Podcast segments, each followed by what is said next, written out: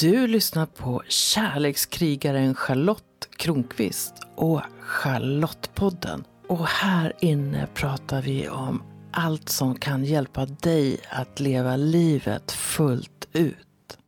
Tänk dig en kvinna som redan vid åtta års ålder upptäcker det där med sexualiteten och som undersöker vad det är, utforskar vad det är ända tills hon är 18 år. Och då någonstans bestämmer hon sig för att bli det som ingen ännu har kallat sig, nämligen sexinspiratör. Och nu sitter hon där 36 år gammal med fantastiskt mycket erfarenhet av vad sex är, vad sexualiteten kan göra med oss. Jag mötte Marika Smith som bland annat gör podden Sex på riktigt och som ibland ordnar kurser i oralsex där man får träna på persikor och bananer. Ja, jag mötte henne hemma här på Ståltrådsvägen nyligen. Och det blev ett bubblande samtal om sex och sånt. Och tänk, Marika har fortfarande tantra att utforska och jag tror att hon så småningom skulle kunna bli en perfekt tantriker. Jag befinner mig på Ståltrådsvägen tillsammans med Marika Smith som är sexinspiratör. Välkommen hit! Tack så jättemycket, kul! Sexinspiratör, hur fick du den idén? Jag ville hitta ett ord för det jag gör. Först ville jag hitta det jag gör och det gjorde jag. För jag uteslöt allt som man kan jobba med med sex som redan fanns. För det passade inte mig, men jag var tvungen att arbeta med sex. Och så frågade jag mig själv, vad är det jag vill göra? Jag vill inspirera folk att förstå hur sexualitet funkar egentligen. Ja, men sexinspiratör. Det var innan alla andra började kalla sig kostinspiratör, eh, träningsinspiratör, livsinspiratör. Så det kanske har blivit lite urvattnat nu, men, men det funkar. Folk blir glada när de hör min titel. Ja, och du ler fullt ut. Ja, för jag har hittat rätt. Varför måste du jobba med sex? Jag kan inget annat. Eller jag står inte ut med något annat. Jag har funderat så mycket, vad skulle jag kunna göra om det här liksom inte funkar? Och sen bara, nej men det är inte så jag, jag är. Det måste fungera. Det är mitt jobb att få det att fungera och nu gör jag det. Nu försörjer jag mig på att prata om sex. Och vad tror du liksom det började med? Det började nog med en kombination av att jag själv var väldigt fascinerad när jag hittade min egen sexualitet ganska tidigt i, i livet och började rota i det och var ganska ensam med det. Det var ju före internet och det var inte riktigt någonting man pratade om varken i min familj eller i min omgivning. Så att jag, det var som att jag hade hittat en skatt som ingen annan hade förstått. Och så började jag leta vidare den och sen med tiden så insåg jag att det här undrar ju andra människor om också. Men de har inte fått den här chansen. Jag kanske började när jag var 8-9 och fundera på det här. Och sen tio år senare så, så började jag prata om det på riktigt med andra människor och då hade de inte fått de här tio åren av att sitta och gräva i skatten själva utan de hade kastat sig ut direkt och börjat ligga med folk och, och utsätta sig för en massa saker som jag slapp. Så att jag hade det här för mig själv så länge så att jag tror att där grundades någon trygghet som gör att jag kan vara ganska idag vild och experimentell, inte bara i mitt sexliv utan använder mig själv som försökskanin hela tiden var är möjligt därför att jag hade det så tryggt i början. Och då, då hittade jag någon slags kärna i, i hur jag förhåller mig till sex som jag fortfarande baserar hela min verksamhet på. Och vad är den kärnan? Att sex är, i alla fall för mig, en livsmotor. Och det är inte bara det fysiska sexet naturligtvis och inte bara tanken på sex heller utan hela libidon, hela gnistan, hela kraften i sexualiteten. Den kommer jag i kontakt med när jag är sexuell eller när jag pratar om sex och kommer i kontakt med andras nyfikenhet och liksom ah, det här. Det är kärnan och det är ju det som driver alla andra delar av mitt liv och alla andras liv och gör att det finns energi över att till exempel bry sig om annat än sig själv, bry sig om världen eller eh, vara mer utåtriktad än att bara gå omkring i sin lilla bubbla och försörja sin familj. Utan det här som får en att vara en del av, av det stora. För mig är det sexualiteten en nyckel till det. Wow, vad, vad bra du säger det där. För jag, jag, kan, jag använder lite andra ord men det, jag har ungefär samma uppfattning som du. Jag kan prata om att vår livsenergi är vår sexuella energi och om vi täpper till den och stänger av den ja, då stänger vi av livet, våra drömmar och, ja, och så. Ja, precis. Och det, jag tror att det finns en missförstånd ofta kring det här med att stänga av. Att vissa bara inte har det eller inte är i kontakt med det. Men vi har det i oss. Och till exempel just nu så jobbar jag ganska mycket med framförallt kvinnor som varit med om sexuella övergrepp och känner sig ja, avstängda sexuellt, vilket ju inte är något konstigt, det är ju kroppens försvarsmekanism. Och då är det ju det som är kraften. Att stänga av sexualiteten tillfälligt kan också vara ett sätt att visa, jag älskar mig själv så mycket att jag vill överleva och då måste min sexualitet spela död. Då kan man bli inspirerad av, av, av det snarare än att det är så himla lustfyllt hela tiden. Så den här, den, det finns mycket mörker i den här. Det är inte bara en härlig mysig kraft att sätta på kranen och, och hälla fram utan, utan även mycket smärta är den här kraften också. Och den försöker jag sätta folk i kontakt med. Ja, det är ju hela livskraften och som jag ser det så har vi ju både ljus och mörker i oss. Och med stänga av menar jag också att man, det är som att man inte vill känna sig själv, vad det än är. Som att man går på Valium eller någonting sånt där. Och så lever många människor.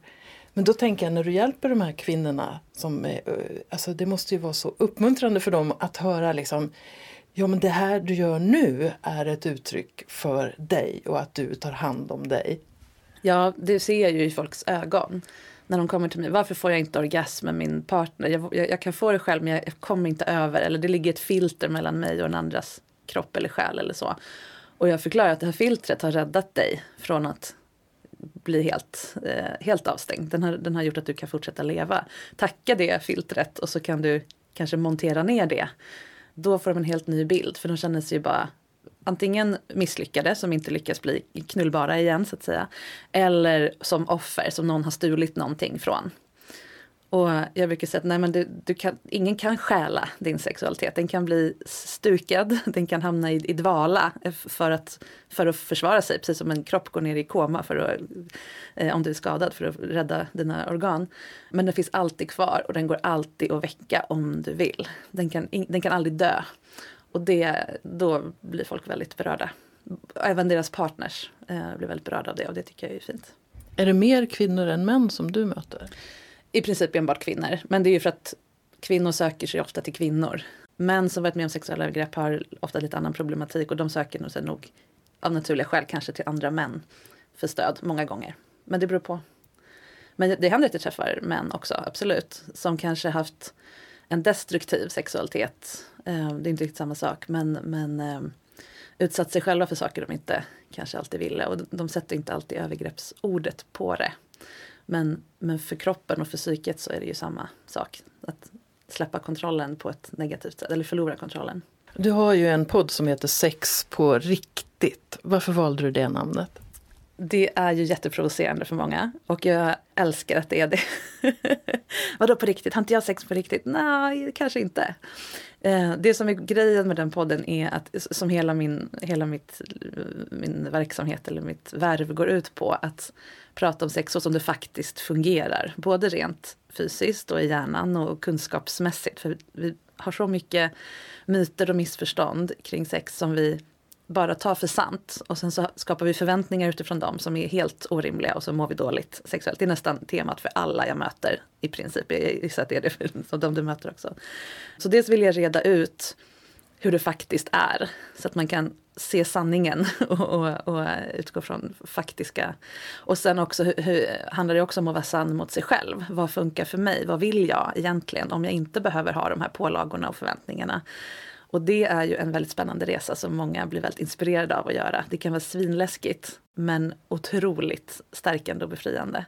Så det är, det är dubbelt, både ta bort missförstånden och hitta den personliga, på riktigt känslan. Och sen så går ju själva podden ut på att det är riktiga samtal. Det är riktiga samtal mellan mig och en, en människa, ingen, eller ja, en vanlig människa, ingen kändis eller expert utan det är någon som får en plattform att prata om sex på.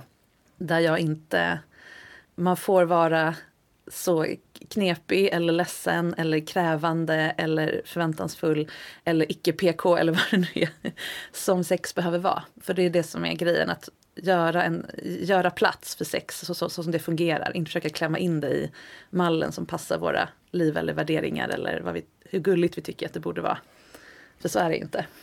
Och vad får du för respons? Nästan bara positiv, på podden i alla fall. Men som sagt, namnet provocerar vissa. Som att, ah, vem är du? Och säga att det här är mer äkta än någonting annat. Ja, nej, det, det är upp till den som, den som ska leta inom sig hur det går till. Eh, det finns absolut folk som önskar att sex var lättare att hantera. Att vi, att vi kunde vara sexuellt frigjorda och härliga och sensuella utan att få den mörka sidan. Den som har, handlar mer om att hitta inre aggressioner, eh, vara mera egoistisk som, som faktiskt är ett grundkriterium för att kunna vara sexuell så måste man kunna tänka bort andra och tänka på sig själv i viss mån. Det är inte bara kontakt.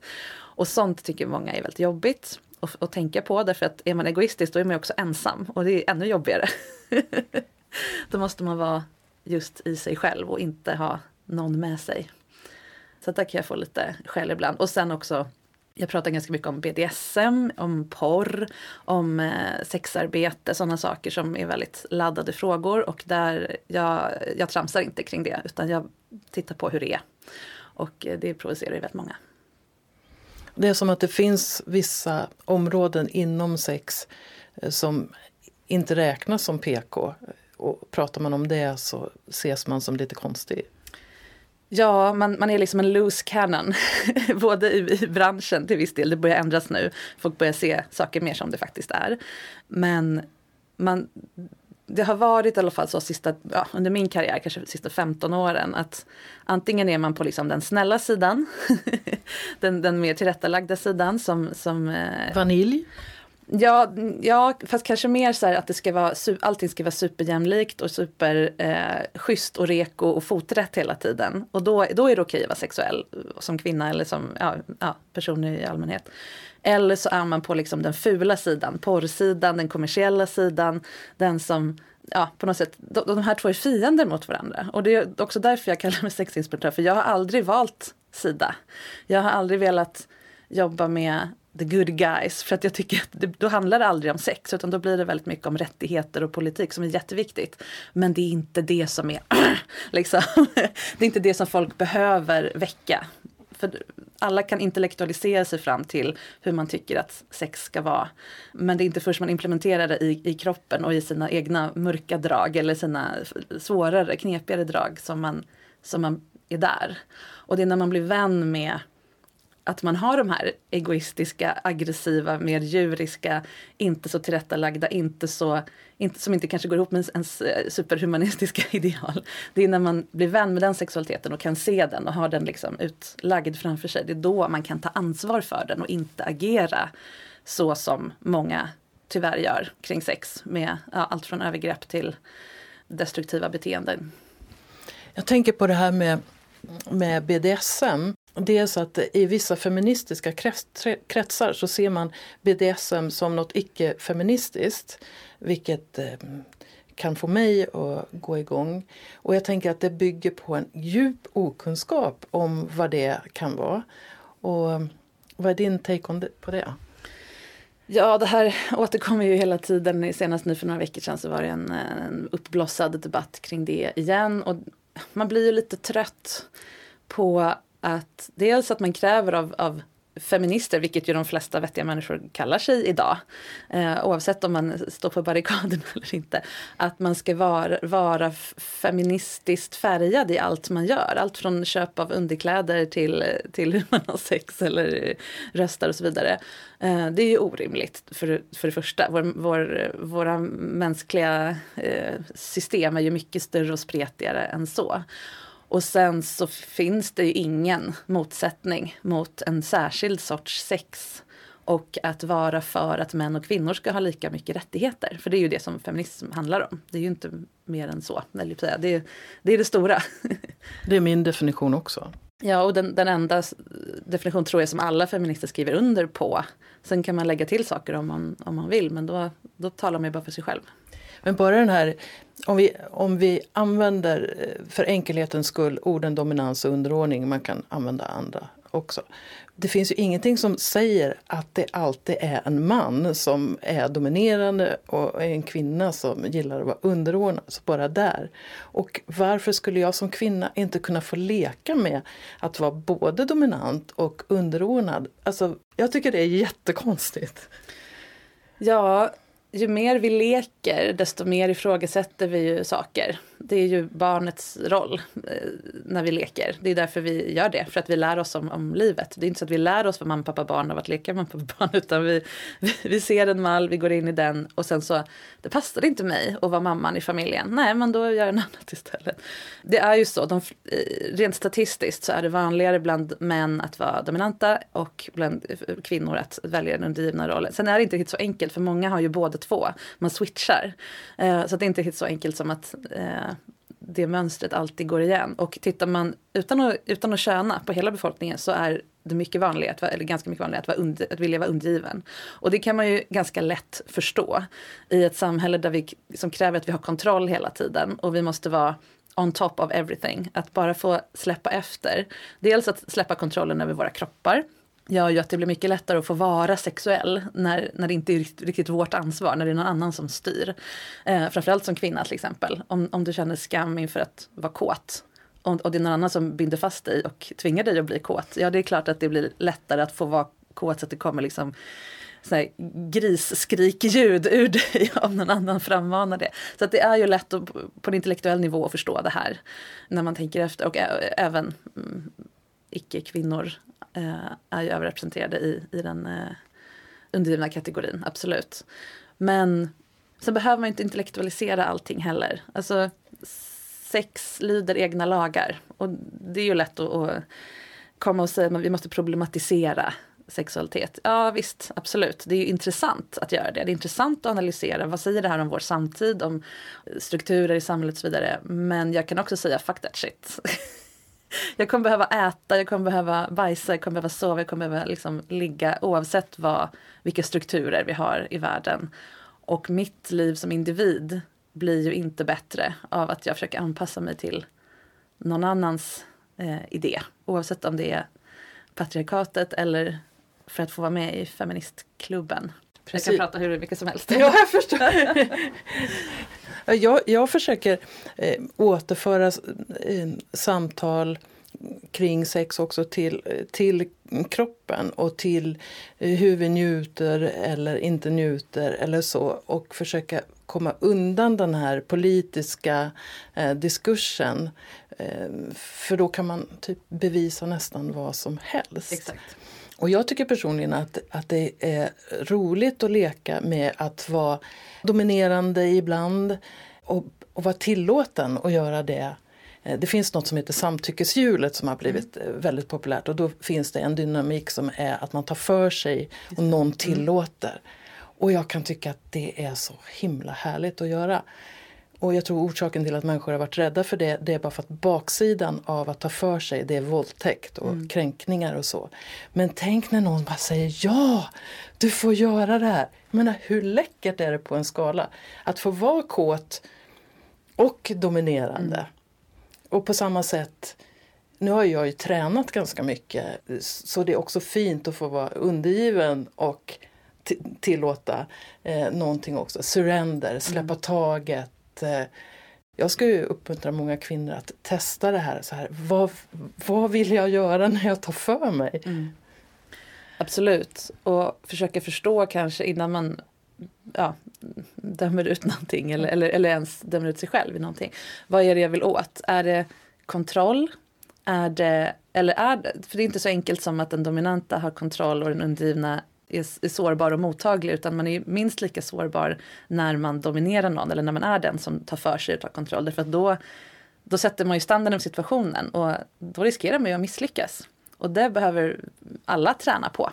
Och jag tror att det kanske är därför många män dras till den dominanta rollen också. Eh, därför att där kan man öva på, på det, på att vara sårbar i, i ett ledarskap. inför, inför någon som, som man älskar. Och det tror jag är väldigt läkande för män som förväntas vara så himla hårda och oåtkomliga hela tiden. Och det kan du inte vara. I, I en sund dominans så är du aldrig oåtkomlig. Du är alltid utsatt för den under, undergivnas eh, omdöme. Om den inte är nöjd med dig så är du ju en dålig dominant. Så att säga. Eller hur? Det, eller hur? Och, du, och, och, som jag ser det så är det den som är undergiven som, som, som bestämmer i praktiken. För, det är den för man brukar ha stoppord och allt möjligt så. så att, mm. ja. Juridiskt är det ju så, eller säga, så att den, den, den yttre gränsen är ju alltid den, undergivna kan ju alltid välja att avsluta och gå och inte träffa den dominanta. Du kan inte ge, ge, bort dig själv så att säga. Men jag tror ändå att i, i stunden så ja, det är också en förenkling att säga att det är den dyna som, som bestämmer. Men, men, men, det är den, den, men båda är beroende av varandra och det intensifierar ju mötet. Så håller man inte på med tantra till exempel så är ju BDSM ett, ett annat sätt att intensifiera närvaron och kontakten i, i sex. Men BDSM behöver inte alls vara sexuellt. Det kan ju, det, det, ofta, för många BDSM-utövare som inte är så intresserade av kanske smärta-delen utan mer maktutbytesdelen så pågår ju den ju hela tiden i, i, hela relationen, i varje stund. När man somnar, när man dammsuger hemma hos svärmor och sexuellt. Och den kräver att man tunar in och känner av varandra hela tiden. Och det är ju någonting som många längtar och vansinnigt efter, att bli sedda och kända av någon. Och ledd eller tillåten att leda och bära någon. Precis, och när jag pratar om eh, ta för sig och tillåta i samtyckeshjulet så behöver det inte alls inkludera något BDSM överhuvudtaget. Mm. Det är bara att jag säger nu vill jag göra det här med dig. Och innan vi avslutar BDSM så behöver ju inte det egentligen syftet vara att skapa smärta mm. eller så. Det kan vara helt andra saker man är, eh, man är ute mm. efter. Det kan ju till exempel vara skönt att bli, bli bunden med en rep och känna jag, jag bara släpper taget. Mm. Och så bara lägga märke till hur känns det i min kropp när jag lämnar över mig till en annan person mm. för en stund. Behöver inte, behöver inte göra ont någonstans. Nej. För mig personligen som utövare också är, så är ju BDSM ett av de få tillfällen i, i mitt liv där jag kan gå från att vara mitt allra minsta, där jag kan tillåta mig själv som egenföretagande, modern, självständig kvinna att verkligen släppa allt det och bara vara liten, dum, oansvarig, bara liksom surrender, bara vara ett, ett barn liksom. Hela det spektrat upp till att vara gudinnan som verkligen äger allt och styr allt och är mitt största och är oövervinnerlig och obegränsad.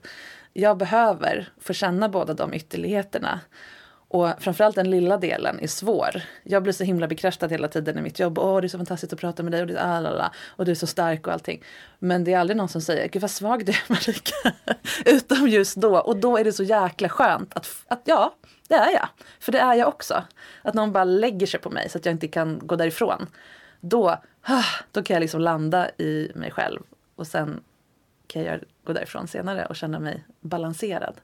Så att det behöver inte ens ha med varken smärta eller makt att göra utan bara leva ut hela sitt spektra. Det, för mig är det jättecentralt. Du som lyssnar hör verkligen det här. Hur ser ditt spektrum ut? Och låt det ta plats. Du, jag tänker också, vad inspirerar dig idag då? Just nu så är jag väldigt inspirerad av min egen förmåga att reagera på andra människors existens. Särskilt en speciell person som har funnits i mitt liv och som jag blir, just, just den här dagen så är det det som inspirerar mig mest. Att jag kan bli så, fast jag vet så mycket om sex, jobbar med det varje dag, pratar om sex hela dagarna.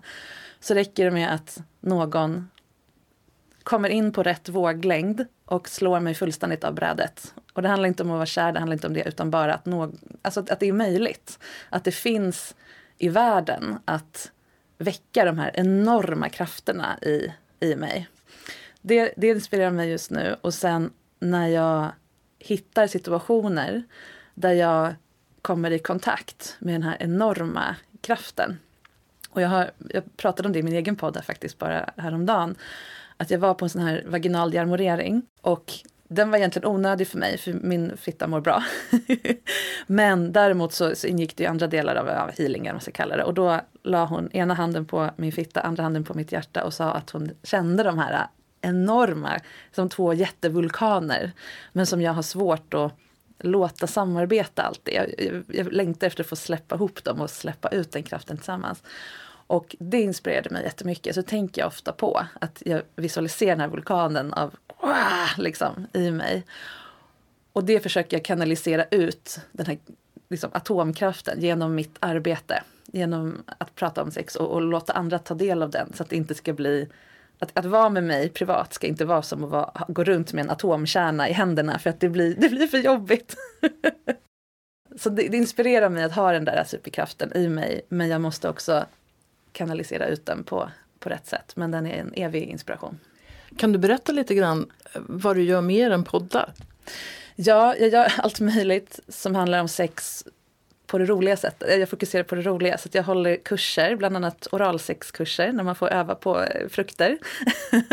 Därför att jag tror att många, många är eh, oroliga för, för, kring sex, eller, eller nyfikna kring sex.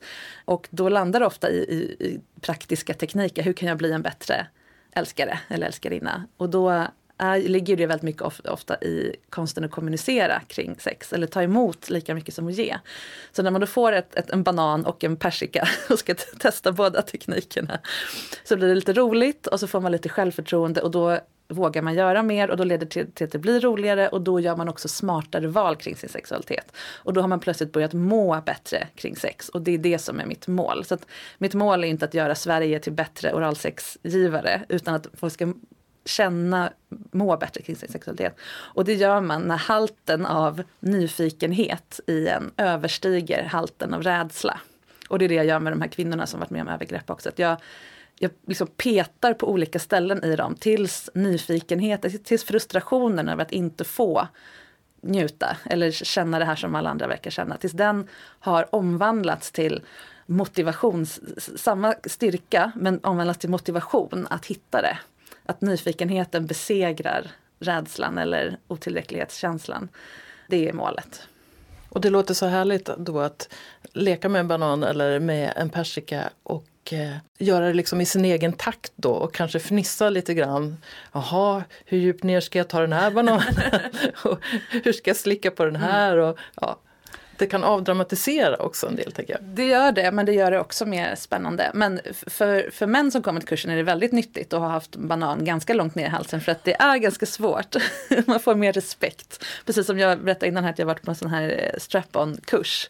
Jag fick verkligen respekt för hur svårt det är att ha en kuk och stoppa in den på rätt ställe i rätt takt och samtidigt hålla den mentala kontakten med personen. Det är fan skitsvårt. Så att, kudos alla män som lyckas med det. Och ni andra jobbar, jobbar på det. Något som jag förknippar dig med förutom eh, sex eller som en del av det här med sexualiteten det är att jag uppfattar dig som en livsnjutare. Ja. Jag tänker på dina praliner ja, bland annat. Jag förstår. Jag, jag brukar säga så lite på skoj att jag jobbar med allt som är vackert, skönt och gott. Och det är ju ett lätt sätt att liksom komma undan det jobbiga i livet kan man tänka. Men jag försöker ha väldigt mycket, som jag sa tidigare, av det, av det mörka i, i det. För jag tror att det är en del av att känna sig levande. Att, att hålla sina mörka stråk i, i händerna.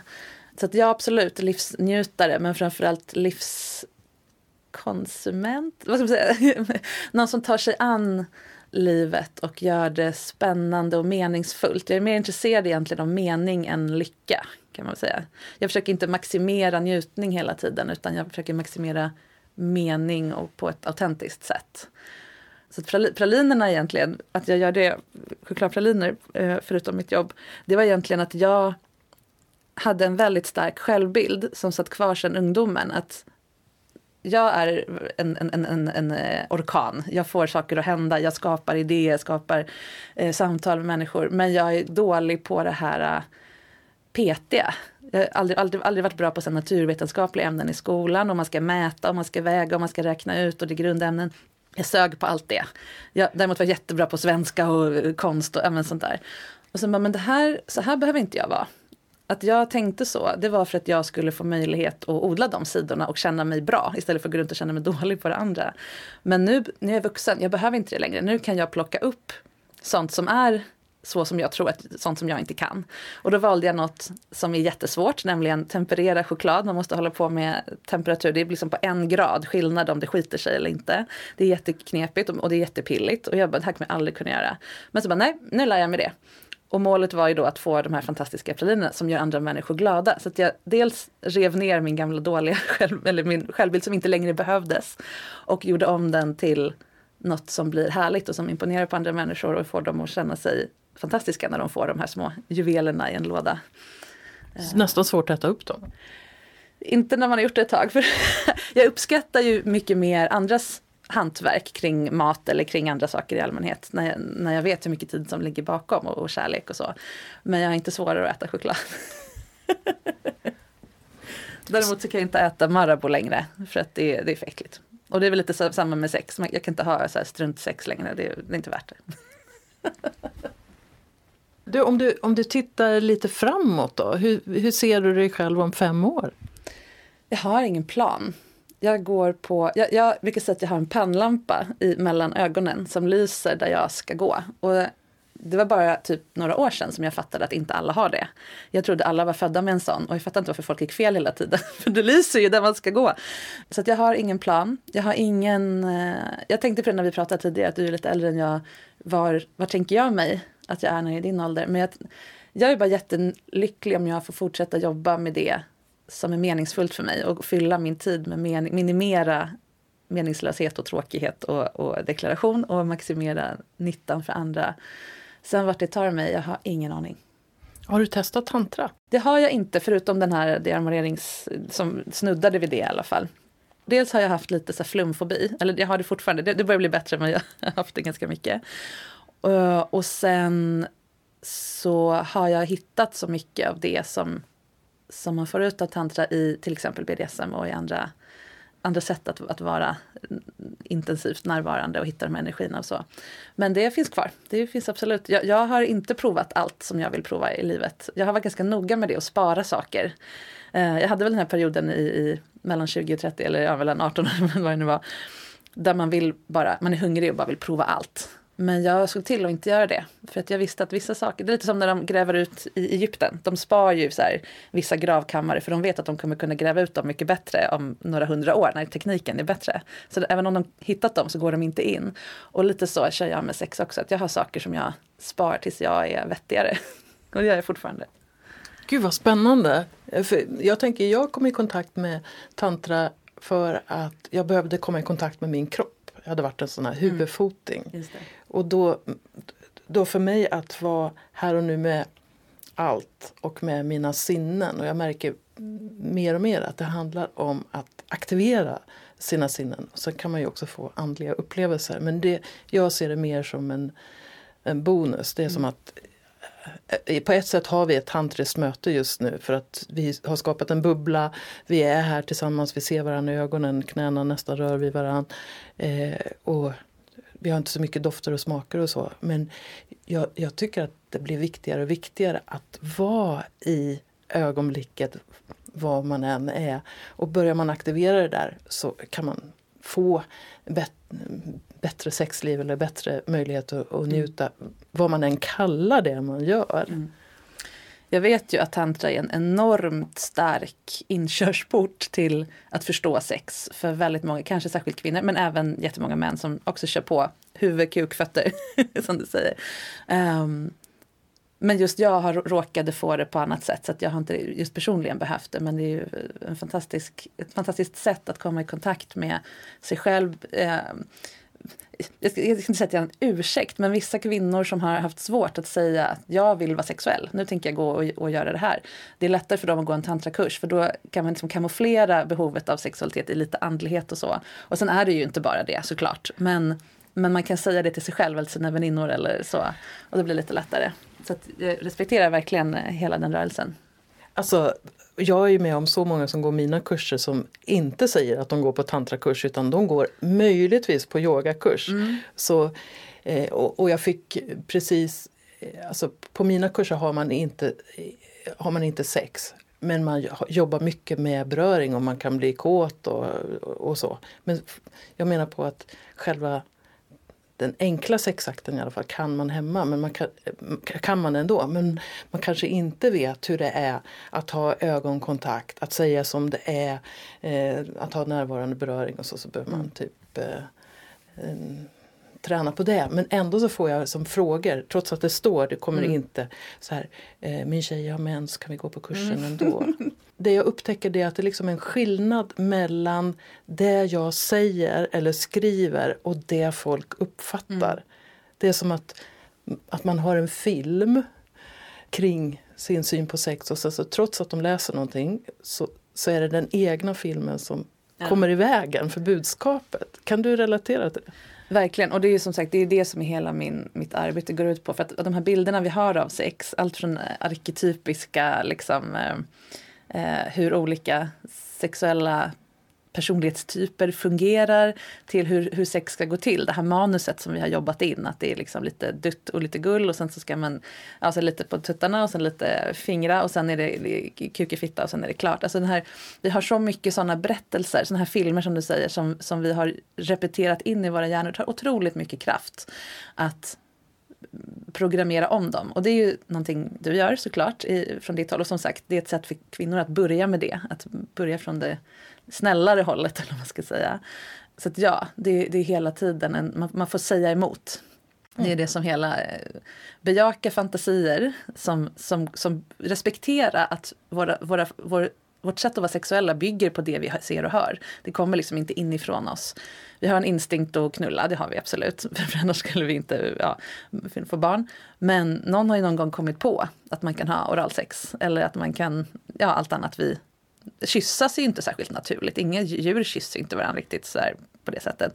Um, generellt någon har ju någon gång kommit på det här och sen har vi sett det och bara det där verkar sexigt och så gör vi det eller härligt och så gör vi det eh, som med allt annat vi, vi lär oss. Och det måste man ju liksom respektera. Det är inte, apropå det här med BDSM igen, bara för att man bara för att någonting ser ut som någonting som, man, som är inlärt eller bara för att det är inlärt, för jag sett på porr eller vad det betyder inte att det blir mindre eh, viktigt för individen.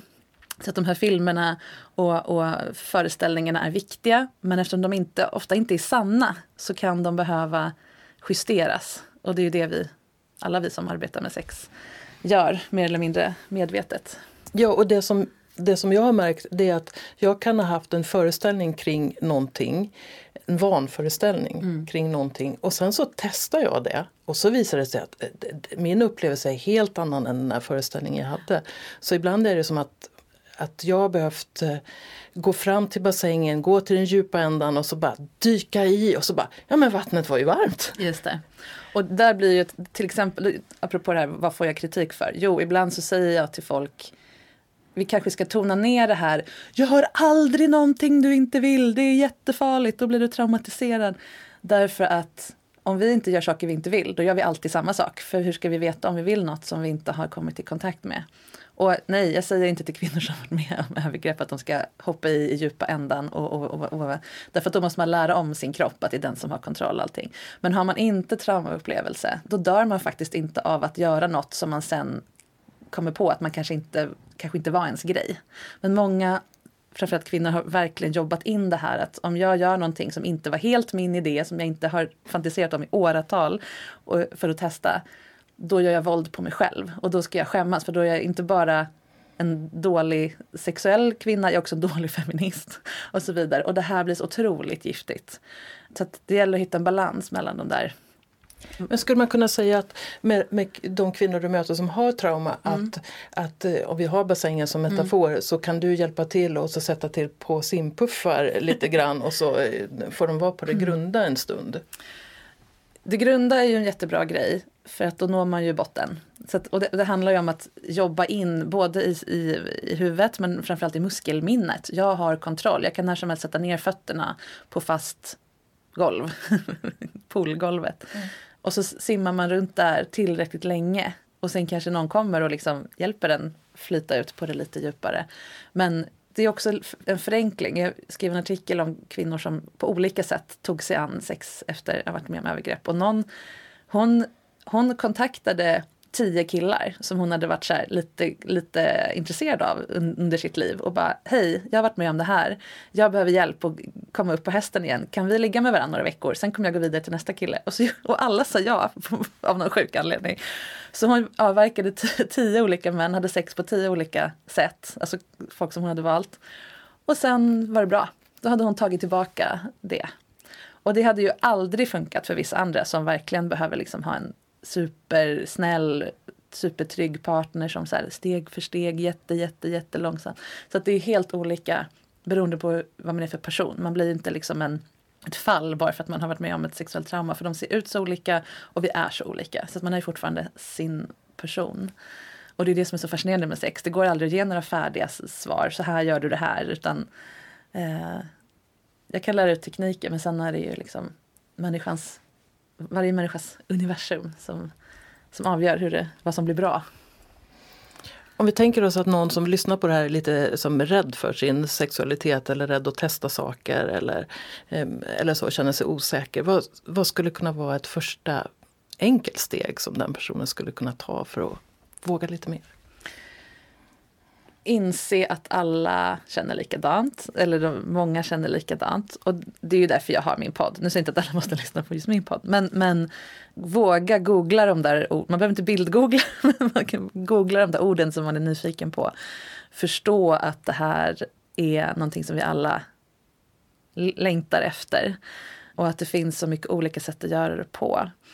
Men målet tror jag för många är att, att få en, till en personlig kontakt kring kring sexualitet. Det behöver inte att vara att ha sex, men att prata om sex. Och det är också därför jag jobbar som inspiratör och inte terapeut. Jag hade kunnat vidareutbilda mig hur långt som helst och bli hur, ha hur många titlar som helst. Jag har valt att inte göra det, för jag vill vara en sexuell person som möter en annan sexuell person och, och speglar det. Och det är väl ungefär det du gör också, men på andra sätt. För att den yrkesrollen är svår att hitta annars. Där man bara får komma och bli eh, erkänd som sexuell varelse. För då kan man också göra det själv. Och sen kan man börja fundera på vad vill jag fylla det här med nu när jag har en, en, en tallrik för att fylla med, med mat från buffén. Men bara att få tallriken är tror jag det viktigaste. Att få ett riktigt samtal och låta sig speglas som sexuell varelse. Det låter så härligt och jag tror så många skulle ha nytta av det också. Och kunna tala med någon som inte blir generad över ens frågor och kan använda alla ord utan att mm. staka sig och så. Jag tänker så, sådana saker kan också vara psykologiskt viktiga. Mm. Jag får jätteofta frågan, Åh, hur får man ditt jobb och hur blir man så bekväm med att prata om sex? Säg fitta fem gånger om dagen. Alltså, det var inte självklart för mig heller. Vissa, vissa ord är svårare än andra, liksom. eller var svårare, nu är det inte så länge. Men, men eh, man jobbar in det också i muskelminne, eller i, i, i van, det är en vanesak jättemycket. Jag skrev en bok som heter Ingen skam i kroppen, frigör din sexuella kraft och använde konsekvent ordet fitta. Och det var ett sätt som, för jag ville vara med och återta det ordet. Så jag har också verkligen ägnat mig åt att träna på att mm. säga orden, skriva orden och också på ett sätt omdefiniera det från eh, någonting som folk säger är fult till det vackraste. Mm. Det tror jag verkligen har lyckats. Eh, tack vare eh, kanske din generation som, som tog tag i det. Jag, nu kanske jag lever i en filterbubbla, men jag hör aldrig någon säga fitta som svärord längre. I alla fall inte eh, om det inte är som något annat än ett kraftuttryck, alltså någonting powerful i så fall. Och jag hör ju kvinnor i, i, min ålder och yngre säga fitta hela tiden om sina kön, även i icke-sexuella sammanhang. Så där, där har jag verkligen hänt något. Alla är inte bekväma med det än och kanske mer yngre än äldre men det har verkligen, det var ju ett svärord förut. Mm. Som, som var jättefult. Nu är det absolut inte det. Och om ytterligare 20 år så tror jag det kommer vara, kännas som ett hyfsat neutralt ord. Vad skönt med att avsluta och känna att det faktiskt händer saker. Tack så himla mycket för att du kom hit idag Marika. Och din podd heter? Den heter Sex på riktigt. Jag har sagt det men jag tyckte det kunde vara ja. bra att upprepa. Tack. Tack själv. Jag hoppas du fick riktigt mycket inspiration eh, till att utforska din sexualitet lite mer tack vare samtalet mellan mig och Marika Smith. Och vill du veta mer om vad hon håller på med eller vill gå en kurs eller få hjälp av henne så kan du gå in på sexinspiration.se. Och själv håller jag på med det där fältet som Marika Smith har väntat med att utforska, nämligen tantra. Och redan nu i oktober så sker höstens parkurs i lekfull tantra den 19-20 oktober och det finns platser kvar. Så är du en del i ett par eller har någon nära vän som du skulle vilja leka tantra med en helg kolla in på min hemsida charlottekronqvist.org så kan du läsa mer om det. Och kom ihåg att den 22 till 24 november så är det dags för höstversionen av Stockholm Tantra Festival med många fantastiska workshopledare och där du också kommer att möta mig, Charlotte Kronqvist. Och om du skulle vilja gå en kurs men inte är i ett par så har jag en helgkurs den 7 till 8 december. Och självklart kan du börja med att läsa boken Lekfull tantra, din väg till att njuta av livet. Den kan du köpa hos mig och få en kärlekshälsning eller så kan du köpa den hos någon nätbokhandlare. Och nu ska jag berätta lite mer om varför jag har skapat Lekfull tantra. Lekfull tantra, vad är det? Jo, det är något för dig som vill leva fullt ut. Tantra kan bidra till att du expanderar som människa och att du lever livet mer på dina villkor. Det handlar om att vara med när livet händer. Att du lägger märke till dina sinnesintryck. Att du blir medveten om dina känslor, din andning, dina rörelser och dina ljud. En del av tantra handlar om njutning och sexualitet. Men det är så mycket mer. En väg in i dig själv. Ett sätt att få mer energi och att känna livet spritta i dig. Jag vill att det ska vara lätt för dig att vara du. Jag vill bidra till att du känner dig tryggare och med lekfull tantra kan du öppna möjligheten till mer sinnlighet och njutning. Du kan läsa boken Lekfull tantra, din väg till att njuta av livet. Den finns både i nätbokhandlarna och på min hemsida. Och när du köper den direkt av mig så blir den lite dyrare men du får med en kärlekshälsning. Eller så kan du gå en kurs i lekfull tantra. Det finns både en onlinekurs för dig som vill träna själv och som helgkurs för dig som vill träna med andra. Då och då ordnar jag också kortare workshoppar. Vill du bjuda in till en workshop på din ort eller i ditt hem? Ta kontakt med mig. Du når mig enklast via hemsidan charlottekronqvist.org. Kom ihåg att prenumerera på Charlottepodden så att du är med när nya avsnitt kommer.